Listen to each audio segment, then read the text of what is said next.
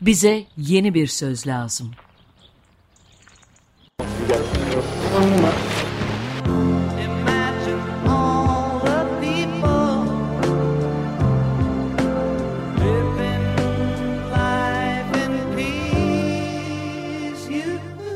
Bekir Ağırdır'la yeni bir yol haritası denemesi.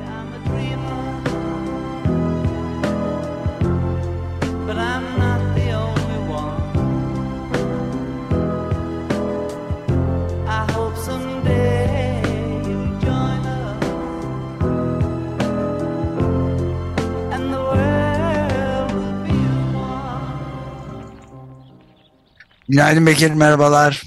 Günaydın efendim. Günaydın. Günaydın sevgili izleyiciler. Günaydın Özdeş'im.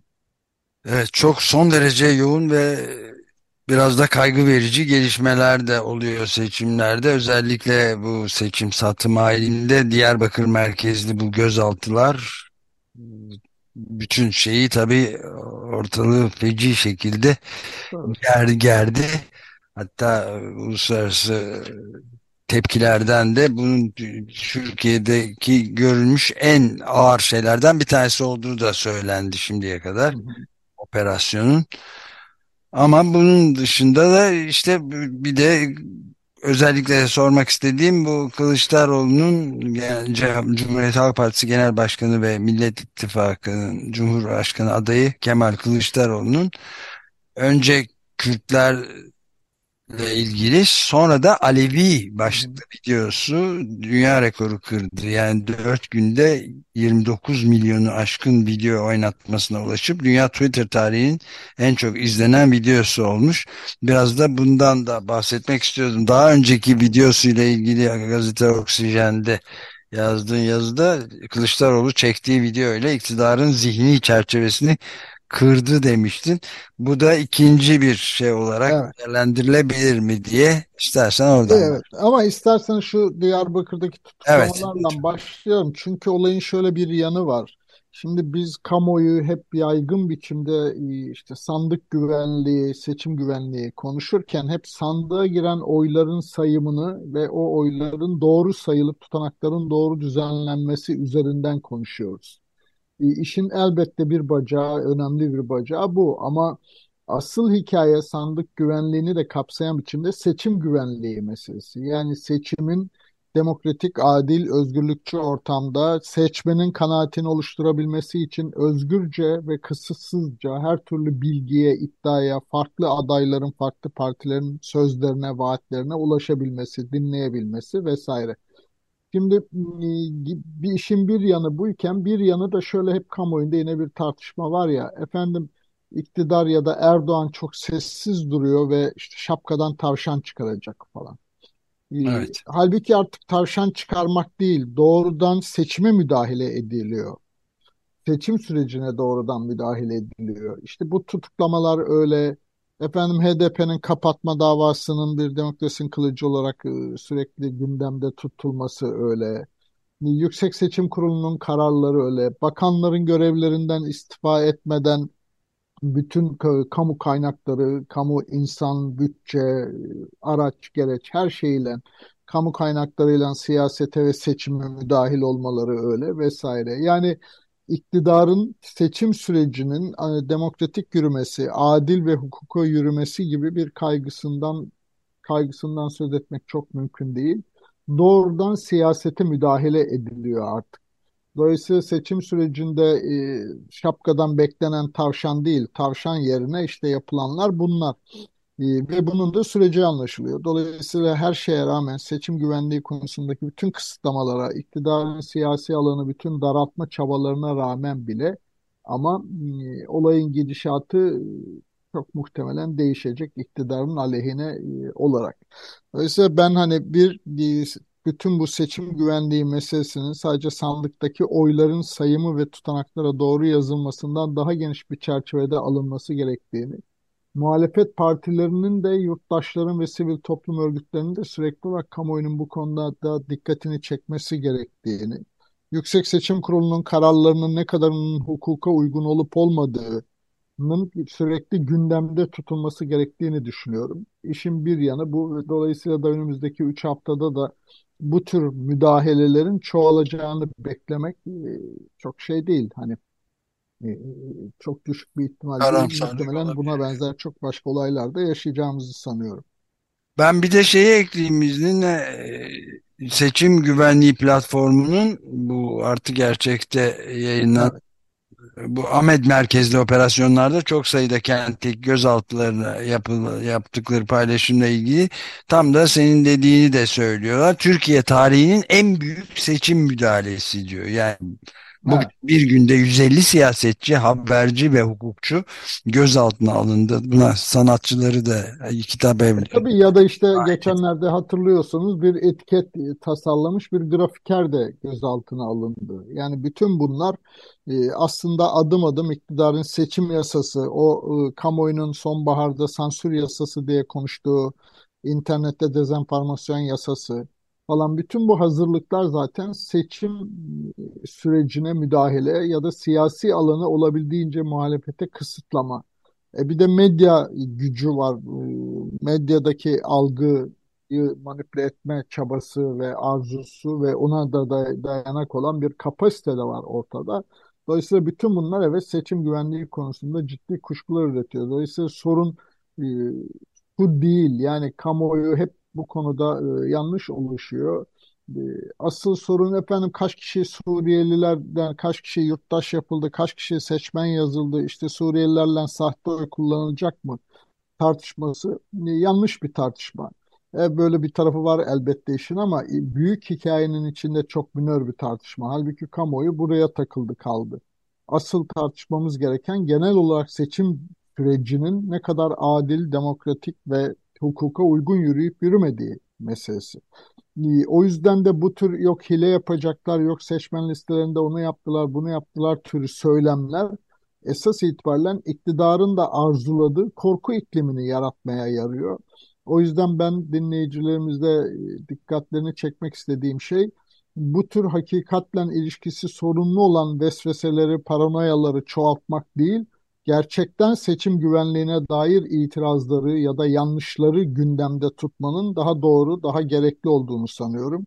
Öbür türlüsü bir korku iklimi yaymak, iktidarın her şeyi manipüle edebileceğini ve her şeyi yönetebileceğini sanmak, e, iktidarın da arzuladığı bir korku iklimi ve kendinin de gerçek sahip olduğu güçten öte bir güç vehmetmek iktidara. E, halbuki gerçek öyle değil. Evet iktidar seçim sürecine doğrudan müdahale etmeye çabasına devam ediyor ve edecek de. E, ama seçmenlerin kanaatleri ya da seçim tercihleri yalnızca bu çabalardan ibaret değil. Onun için hakikatten ilişkisini toplumun vesveseler ve paranoyalara dayamak yerine daha gerçek sorunlara dikkat çekmek ve o gerçeklikler üzerinden samimiyeti, sahiciliği ve gerçek itirazı e, inşa etmek gerekiyor. Evet yani sosyal, seçim güvenliği platformunun ıı, şeyi e, altını çizdiği şey Türkiye tarihinin gözaltı yoluyla en büyük seçim Evet, müdahalesi ifadesi önemli gerçekten bunca doğru, doğru. 1950 iyi pek izleyememiştim belki ama 57'den beri de bütün seçim e, kritik noktalarında e, bir şekilde bilgim ve kaygım olmuştur. Ama bu seçim güvenliği platformunun tarihin en büyük seçim müdahalesi gözaltı yoluyla olması önemli Yani bir. iktidar, iktidar kaybetmemek için her şeyi yapacak. Yapmaya e, arzulu, istekli ve kas gücü de var bunun için. E, Dolayısıyla hani o en baştaki tavşan, e, şapkadan çıkacak tavşana geri dönersek öyle bir zihni kapasite, öyle bir maharet kalmamış görünüyor ama kas gücü var. Devlet dediğimiz aygıtın bütün organlarının e, partizanca e, yönetilmesi ve organize edilmiş olması var ve bütün o organlar ve o güçler, o kapasiteler üzerinden de sürece müdahale ederek seçmenin algısını ve tercihlerini manipüle etme arzusu var. E, Ama bunlar tarihimizde de yani büyüklükleri, boyutları ayrı bahis elbette ama tarihte de, Türkiye'de de başka ülkelerde de çok yaşanmış şeyler. Ama sonuç olarak benim izleyicilere söyleyebileceğim şey her şeye rağmen biz seçim günü cenge gitmiyoruz, savaşa da gitmiyoruz, düğüne gidiyoruz.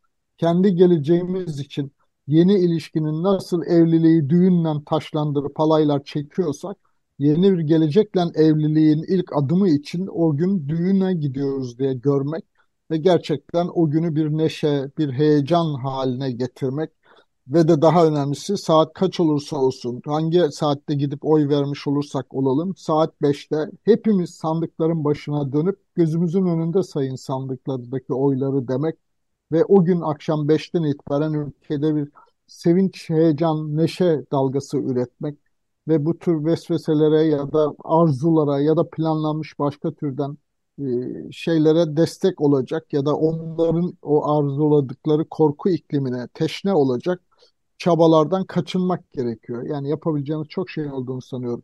Sakin, serin kanlı ve neşeli geleceğimiz için oy vermeye gideceğiz. Bu kadar basit aslında. Evet yani Murat Sabuncu da T24'te Diyarbakır izlenimlerini de bir kez daha dönüp e, döndükten hemen sonra yazmış ve yani iktidar seçime doğru baskıyı daha da artırabilir diyor. İklim değişecek enerjisi ve kararlılığını ben de gördüm Diyarbakır'da diyor. İklimi şey için kullanıyor sembolik olarak kullanıyor.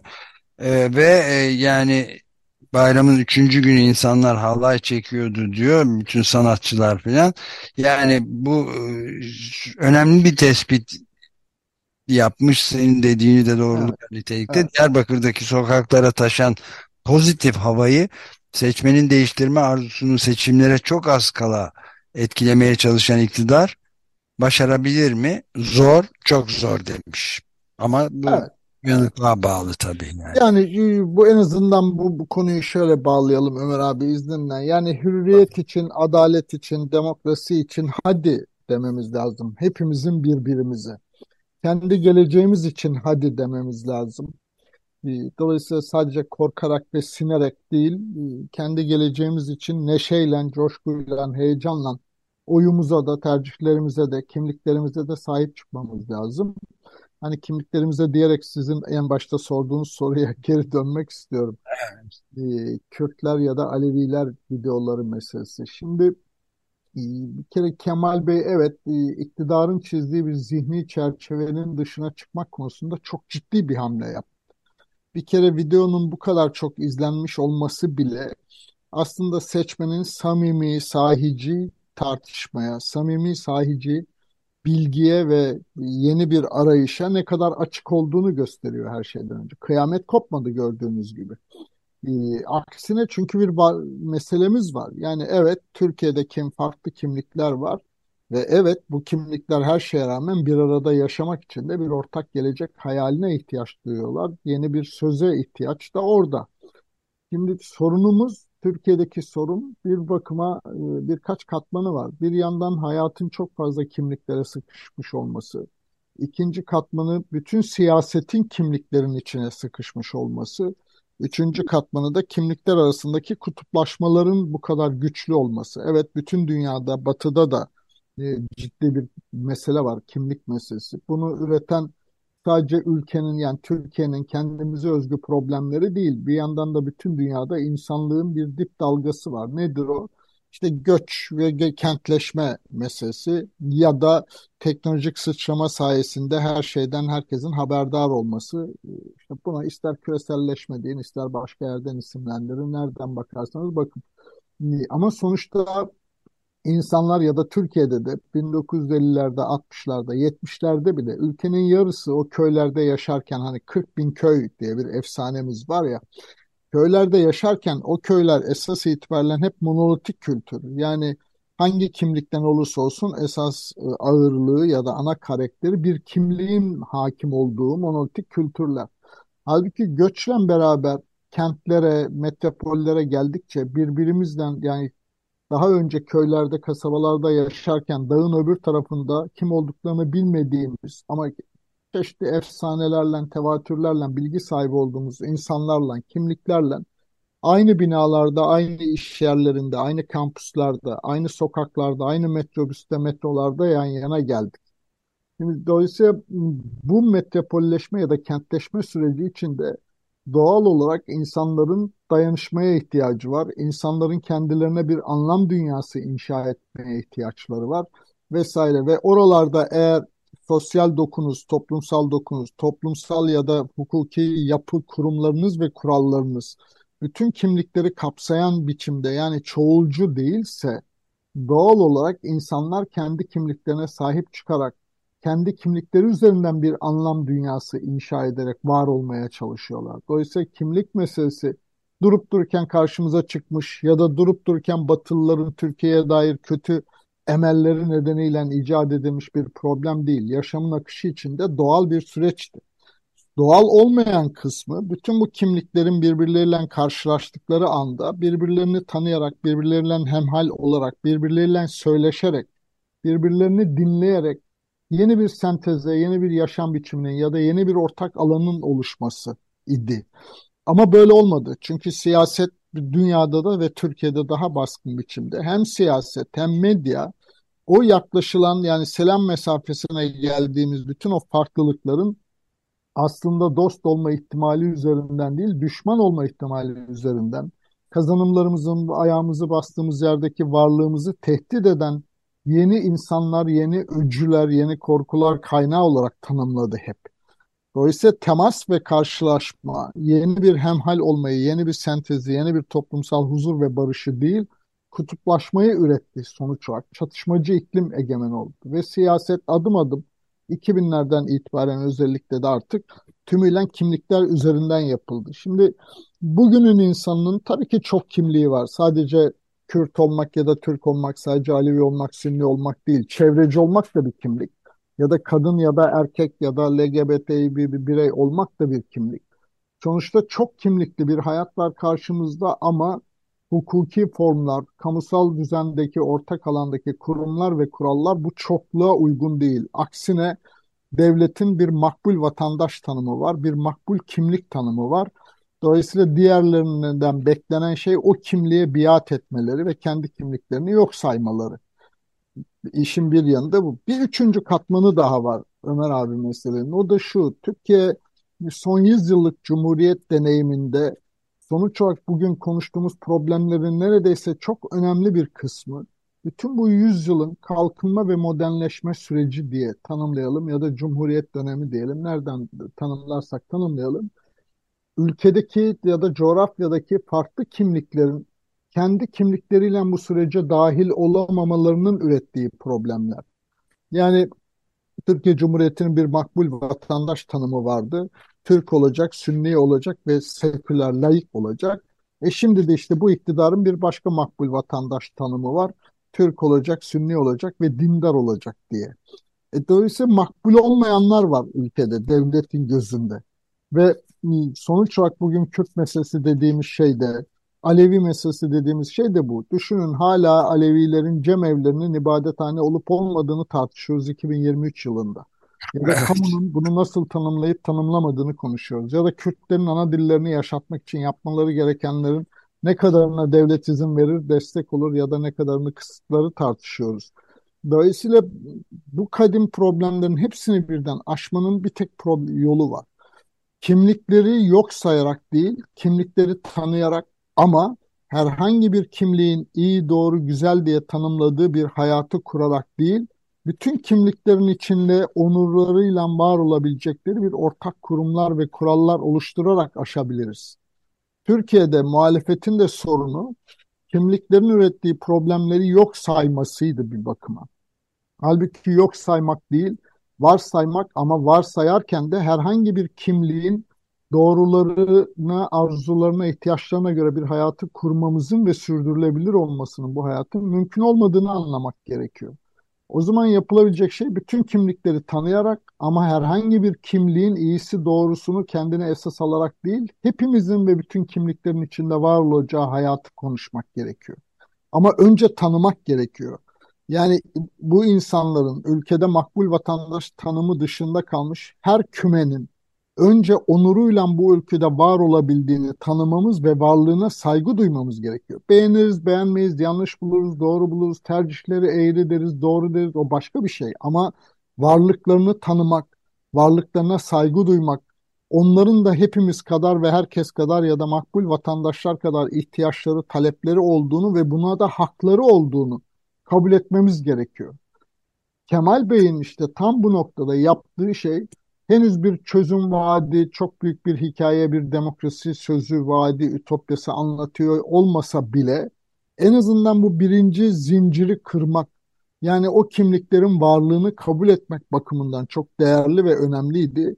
Çünkü biliyoruz ki bir yandan da son 20 yılda bütün hatalarına rağmen bu iktidar iki kez Alevi açılımı, iki kez Kürt açılımı yapmaya çalıştı amacı öyleydi, hedefleri başkaydı. Bir sürü hikaye anlatabiliriz elbette ama eğer bütün partiler ya da bütün siyasi aktörler bütün gayretleri ve enerjileriyle o süreçlere sahip çıkıp sürecin yönetimini ve nihai hedefi sadece iktidarın tahayyülünden çıkarabilseydik, yani o süreçleri çoğulculaştırabilseydik, belki de bugün başka bir Türkiye konuşacaktık.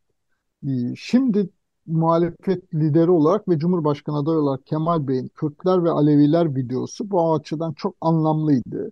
Başlangıç anahtarı çevirmek açısından, birinci anahtarı çevirmek açısından çok değerliydi her şeyden önce. Üstelik ee, Kemal de... Bey'de e, ayrıca e, son cümle uzattım evet. ama abi e, o videoda söylediği e, çok daha doğru da başka bir şey daha var ki sonuçta Alevi olduğunu söylerken peşinden de Alevi olmanın ya da Sünni olmanın değil, dürüst olmanın, liyakatlı olmanın, ahlaklı insan olmanın yani ortak bütün kimliklerin ortak değerleri, ortak e, olması gereken iyiler, doğrular üzerinden bir bağlayışı vardı. O ben de tam onu söyleyecektim ilave edeceğimizin ne yani artık kimlikleri konuşmayacağız, başarıları konuşacağız, artık ayrışmaları ve farklılıkları konuşmayacağız ortaklıklarımızı ve ortak hayallerimizi konuşacağız demesi bana da çok anlamlı gözüktü. Yani Yok, evet bence de. Bence değişim de. seferimize katılacak mısın? Alevi olmaz diyen bu sisteme doğru olun, olan, dürüst olan, ahlaklı olan olur diyecek misin diyor. Yani, şimdi dolayısıyla işin hani e, bu videolarla e, Kemal Bey'in bir yıl önce ortaya attığı helalleşme kavramını da bir arada dikkate alırsak aslında evet olması gereken de bu. Yani e, birbirimizden barışmak demek aynı zamanda hani bir sabah güneş doğarken hepimiz kapının önüne çıkalım, bütün kimliklerimizi unutalım, sarılalım, öpüşelim demek değil. Böyle bir şey de mümkün değil. Ama geçmişteki bir takım hataları, varlıklarını tanıdığımız kadar şimdi bir onarım sürecine ihtiyacımız var. O onarım süreci geçmişteki bir takım yaraları, kederleri paylaşmak e, hukuki cezalandırmalardan söz etmiyorum. Ama birbirimizi anlarken, birbirimizden barışmaya çalışırken birbirimizin yaralarını, duyarlılıklarını, yasını, kederini de anlamamız gerekiyor. E, ki yeniyi doğru kurabilelim. Dolayısıyla bütün bu süreci yani ama helalleşme diyelim ama tarihle barışma diyelim ama yüzleşme diyelim hesaplaşmadan söz etmiyorum. Hukuki hesaplaşma ve suçların yargılanması başka bir tarafı işin. Ama asıl zihin dünyamızda, gönül dünyamızda bir helalleşme ya da yüzleşme ya da tarihle barışma yaşayacaksak bunu sağlamadan da yeniyi kurmak mümkün değil her şeyden önce.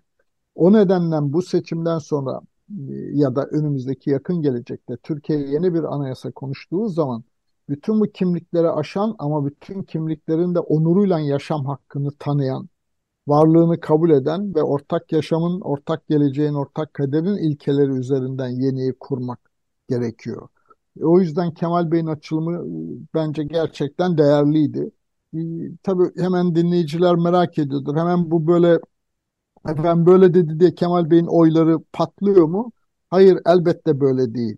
Yani bu tür meseleler ya da deprem de öyle, bu tür açıklamalar da öyle. Bu tür meselelerin öyle ilk anda tsunami gibi olmuyor etkileri. Ama dipte bir dalga kabarmaya başlıyor.